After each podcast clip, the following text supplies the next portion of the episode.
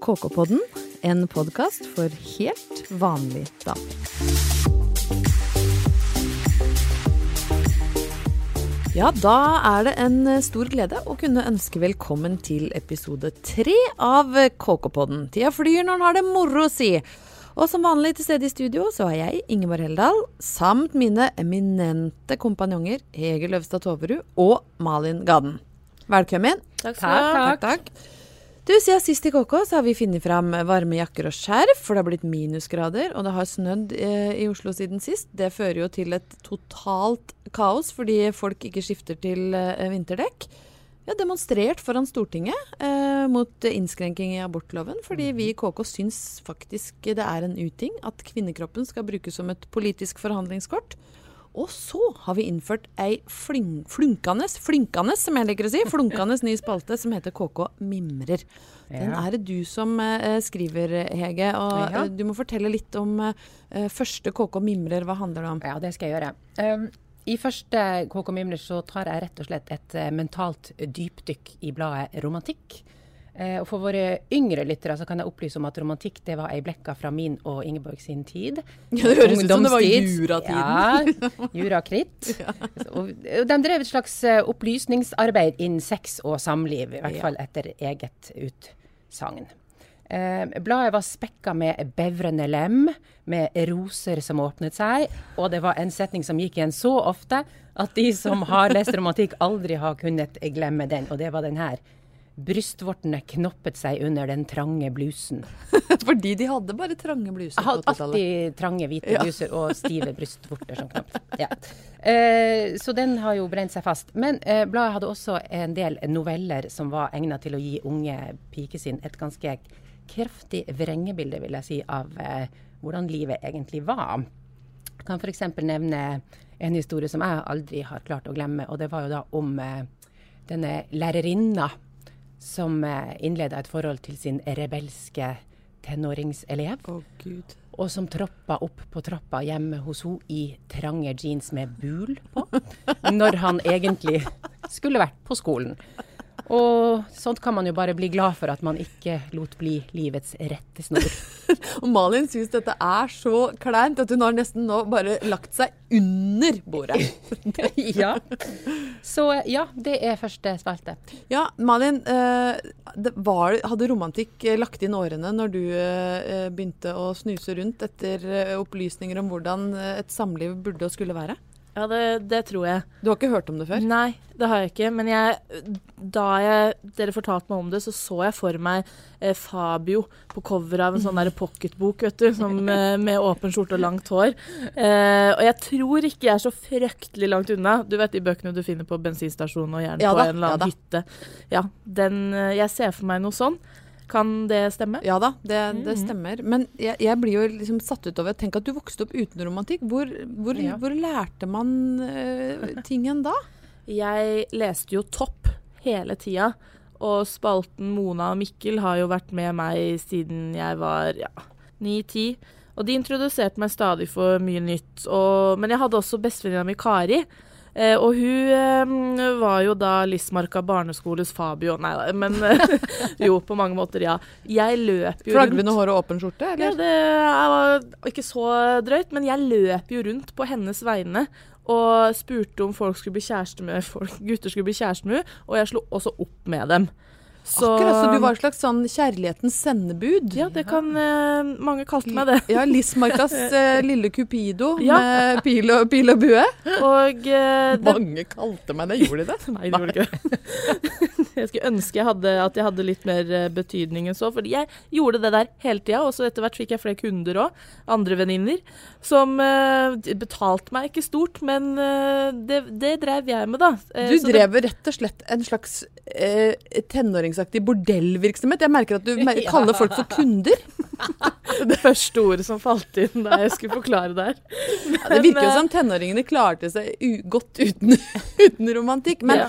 en av de spaltene som jeg husker veldig godt Jeg var jo ikke eh, blant de som ble kyssa først. Uh, og jeg leste jo da uh, med lommelykt under dyna denne spalten Ja. 'Mitt første kyss'.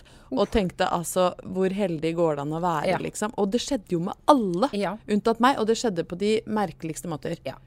Men jeg kan jo trøste deg litt da, Ingeborg, med at eh, hvis du ser nå i retrospekt noen av disse kyssene, så skal du egentlig være litt glad for at det ikke skjedde deg mens du var 13 år og ikke hadde noe nettverk rundt deg. Ja, hva mener du Ja, med det? nei, for la meg nå ta en, et kyss her, da. Eh, jeg leser det i sin fulle lengde. Gjør det, Ja, vi- så- for det tar vi oss faktisk tid til. Ja, ja. Da jeg var 13 år, fikk jeg mitt første kyss. Det begynte med at jeg skulle overnatte hos en venninne. Broren hennes, Ulf, som gikk i niende, skulle også være hjemme. Han var dødskjekk og kjempedeilig. Vi spiste kvelds, og etterpå spurte Ulf om vi ville være med på snøballkrig. Det ville vi gjerne. Da vi kom ut, ble vi dynka skikkelig. Jeg hadde bare på meg en genser, og Ulf puttet masse snø ned i den. Ulf spurte om han kunne få ta opp igjen snøen. Jeg ble helt forfjamset og visste ikke hva jeg skulle si. Før jeg visste ordet av det, var hendene hans nedi genseren min. Det var egentlig en deilig følelse. Han knadde meg skikkelig. Og plutselig kysset han meg hardt. Tungen hans kjentes så stor ut i min lille munn. Jeg har aldri kjent noe så deilig! Utropstegn. Alt skjedde så fort, og han var så fantastisk! Prikk, prikk, prikk! Utropstegn. Ja, det var mitt første kyss, og det kommer jeg aldri til å glemme. Rita. Rita og Ulf, ass. Ja. Ulf høres jo ut som en uh, ganske vold, voldsom type. Ja, og det, her må jeg bare få si at det er jo ganske spekulative fortellergrep i denne historien. Helt voldsomt. Ja, hentet rett fra pornografien, vil jeg si. Og min teori så er at hun Rita, innsenderen, enten så er hun en frilynt jente som har sett veldig mye moviebox-porno på 80-tallet, eller så er det der kysset ført i penn av en f.eks. Oddleif, en grisegutt på 50. Eller kanskje av noen i redaksjonen sjøl. Oddleif Ja. Grisegutt Men han som skrev Tenk deg hvis vi hadde visst det når Ja. vi var 13 år, Ja. at det var ikke Rita, men Oddleif som sto bak. Dette kan være en trøst til deg, da. Kan ditt første kyss matche på noen måte det som blir skildra her, Malin? Absolutt ikke. Jeg husker ingenting, jeg. Jeg, husker, jeg tror det var Eskil, og jeg tror det var kort og godt. Var det på ungdomsklubben i Lysmarka? Nei, jeg tror det var altså, førstekyss, barnehagen, og så bare Nei, etterpå. nei, men du skal være med stor tunge i liten munn. Oh my God. Du har, du har Akkurat en sånn skildring tror jeg ikke jeg kan komme med, men det var nok på Angeli i Lismarka, ja. På ungdomsklubben der at uh, ting skjedde. Men eh, det var ikke så eh, bemerkelsesverdig. Det var det ikke, og ikke noe jeg husker så Jeg, jeg tenkte jeg skulle toppe det med noe enda verre, da. For når jeg begynte å tenke på min egen Jeg leste jo romantikk som det var Bibelen, og heldigvis for meg så fikk jeg lov av mamma og pappa, for det var en del jenter på Bredtvet som ikke fikk lov å lese romantikk.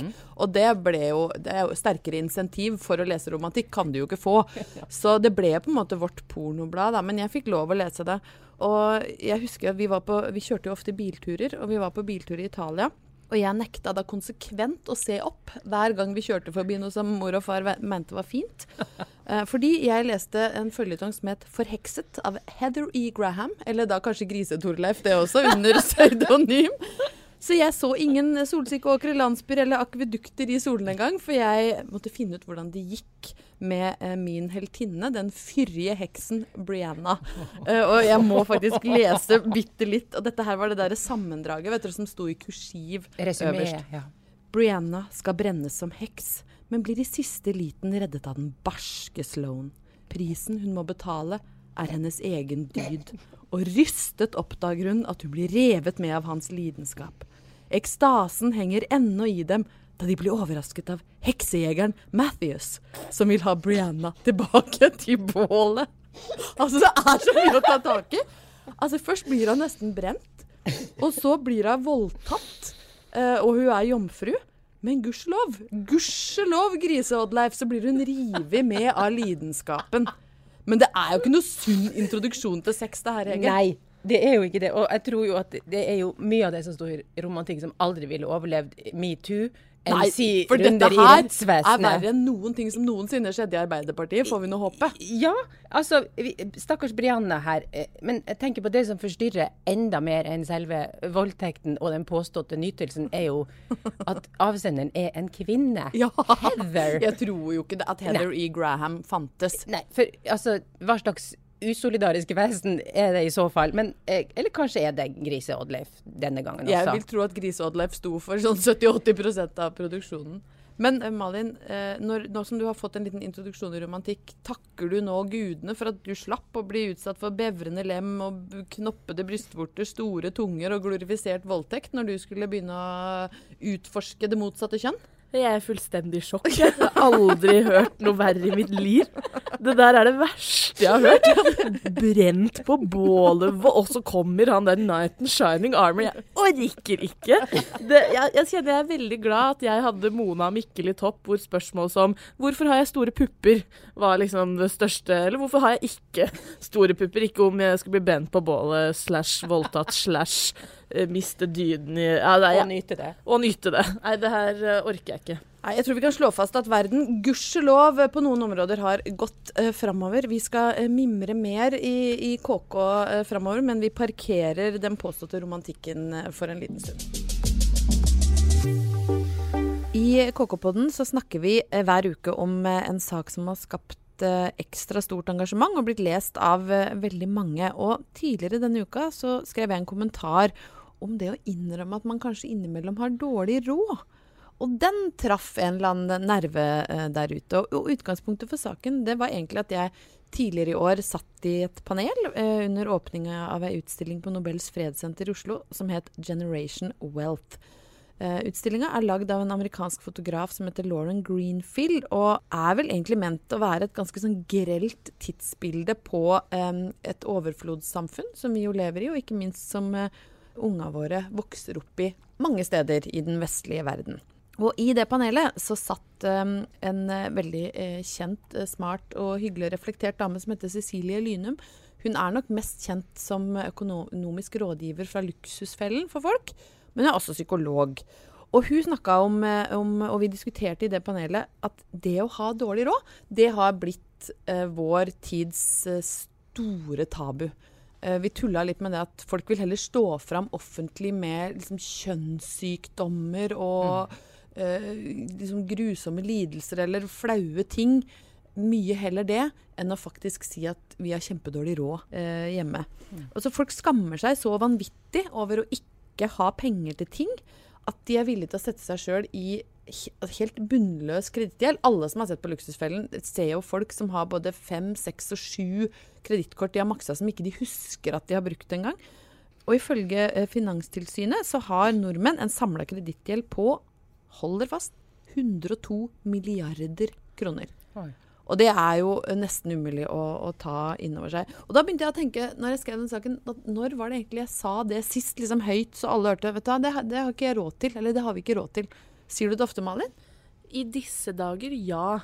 Eh, for det er, det er ikke billig å kjøpe leilighet og pusse opp bad. Nei, og for trofaste lyttere av podden, så har jo Malin kjøpt seg leilighet, blitt voksen og også mm. kjøpt sofa. Prøvde riktignok å prute, fikk blankt nei på boliga, men, eh, så du, men du blir, ikke flau over å si at du har dårlig råd? Og så, samtidig så har jo jeg en sånn situasjon hvor jeg forsørger kun meg sjæl. Jeg har ikke barn, jeg har fast jobb, jeg jobber 100% så eh, jeg, har jo, jeg sitter jo i en veldig komfortabel situasjon sånn sett, men samtidig så eh, Mange av mine venner studerer fortsatt og kommer og gjør det i noen år til. Og der har vi hatt et veldig sånn avslappa Der er det bare å si 'jeg har ikke råd', for det, sånn er det. Man har ikke alltid råd til ting. Eh, så nei, det har jeg ikke noe problem med å si. Det gjør meg ingenting. Tror du det er verre, Hege, når man blir jeg holdt på å si, enda mer voksen enn en Malin, og plutselig har, da kanskje har unger og, som skal være med på aktiviteter? og Tror du det er verre for folk å, å nekte ungene sine ting? Ja, det tror jeg absolutt en helt Mm. annen situasjon. Men jeg tenker jo da vi vokste, vokste opp, eh, så var det jo normalt at man satte næring etter tæring, som det så traurig heter. Men det, traurig. Ja, det er ganske traurig. Men det ligger jo noe i det, det at man bruker eh, det man har, Ja. når man har det, rett og slett. Og da var det jo ikke kredittkort, så det var jo ikke, du hadde jo ikke noe valg. Da måtte du på gårdene og låne penger, og det gjorde man jo ikke. Hvis man, nei. Men jeg tenker jo det at kanskje er det en, det at vi ikke sier det i dag, at vi ikke har råd, kanskje er det en slags motreaksjon på at vi vokste opp med å høre det har vi ikke råd til. At det var en del av, av, av talen omkring oss at nei, det har vi ikke råd til, det må vi vente med. Så kanskje er det sånn nå at man tenker at nei, man skal gi seg F på at det skal, sånn skal i hvert fall ikke vi ha det. Vi skal jaggu ha råd til ting, og så tar man seg kredittkortgjeld eh, til sånne dimensjoner, da. Men hvorfor tror dere folk syns det er, er For det, det har vi jo sett gjennom Luksusfellen, at folk syns det er flaut å si at ikke de har råd til å være med på ting. Hvorfor tror dere det har blitt sånn? For det er jo ikke flaut å ikke ha penger, egentlig. Jeg tror at det har litt med den tida vi lever i òg. Eh, bare tenk på liksom bloggerne nå som får eh, lover slengt etter deg. De kan ikke reklamere for alt. Det blir jo litt det samme. Vi har sosiale medier. Eh, folk viser alt det dyre de har kjøpt, og hvordan de lever, og vi får alt servert rett på telefonen. Så da kan det hende at det skaper en sånn OK, da skal ikke jeg i hvert fall si hvordan det ståa her hos meg, når alle andre har det sånn. At vi skaper oss en, et, et slags falskt liv da, i Ja. sosiale medier, hvor alt ser vellykka ut, og vi har så mye ting alle sammen, og så må man bare late som. Men det, det er veldig interessant, det, fordi at det som er ironiske med det, er jo det at bloggerne får jo det gratis. Mm. De betaler jo oftest ikke for det. Eller bare låner det og leverer Eller det låner det. Ja. Jeg så eksempel på disse her baby eh, showers, og dette må du ha i mammabagen når du skal føde og sånn, og da står bloggerne fram og har fått alt gratis, og så står det en eller annen litt uh, ung mor med ikke så god økonomi som tenker at å gud, jeg kan aldri bli en god mor hvis jeg ikke har alle de tingene. Nei, vet du hva, det her, føler jeg rett og slett for å være ganske tydelig til alle som, alle som hører på. Det er ingen vits i å gå inn på blogger og tro at det du ser der skal speile ditt eget liv. Du, mange har kanskje lest Morten Hegseths kommentar i VG, hvor Ja, han har går ganske den, det det tenke ut. Ja. mot mammabloggere som skaper et sånt forbrukshysteri. De har fått disse tinga. Eh, og det er en stor diskusjon som vi uh, sikkert kan bruke en hel, hel podkast på. Men hvis det sitter en gravid eh, mamma der ute som tenker at å herregud, jeg må fylle den Uh, fødebagen min fra Louis Vuitton med 150 nye ting. Nei, det trenger du ikke. Jeg og Halvor Haugen, som jeg er gift med, vi kjøpte ingenting nytt da vi fikk vår, eh, vår sønn. Vi kjøpte gammel, eh, skrufsete vogn på Finn. Vi hadde barnesete fra Finn. Vi hadde vippestol fra Finn. Vi kjøpte alt brukt. Og jeg kan si her og nå, jeg overlevde uten boogie, hashtag boogietrawler, eller hva det heter. Håkon ble et velfungerende eh, menneske. Absolutt. Men jeg, for jeg syns vi skal slå et slag for å, å si at det er greit å ikke ha råd selv om vi har blitt voksne. Ja. Ja. Mm. Enig. Helt Men Malin, enig. du som er så flink med peng, for det veit jeg at du er. Jo, du er det. Du er voksen og flink, og du pruter og holder på. Nå som vi snart går inn mot den tida i året hvor vi skal kjøpe gaver til hverandre, og det er adventstid og det er julebord, har du noen gode sparetips?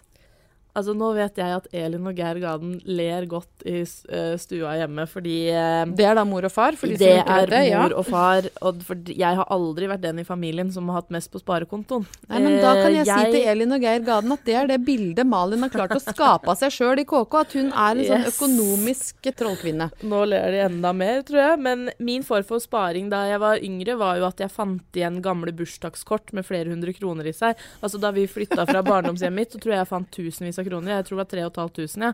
Fra liksom fra 10-13 år, ikke sant. Men nå har jeg blitt mye flinkere. Det har jeg faktisk. Ja. Har, så jeg håper at jeg har klart å skape et litt nytt bilde. Men eh, som alle, så setter, eller mange, så setter jeg av litt penger i måneden. Men det jeg har funnet ut som funker for meg, det er morsom sparing. Er vi kjent med morsom Vi sparing? er overhodet ikke kjent med morsom sparing. Åh, OK. Du sparer uten at du trenger å gjøre noe, uten at du vet det. Det eneste du trenger å gjøre, det er å dra kortet.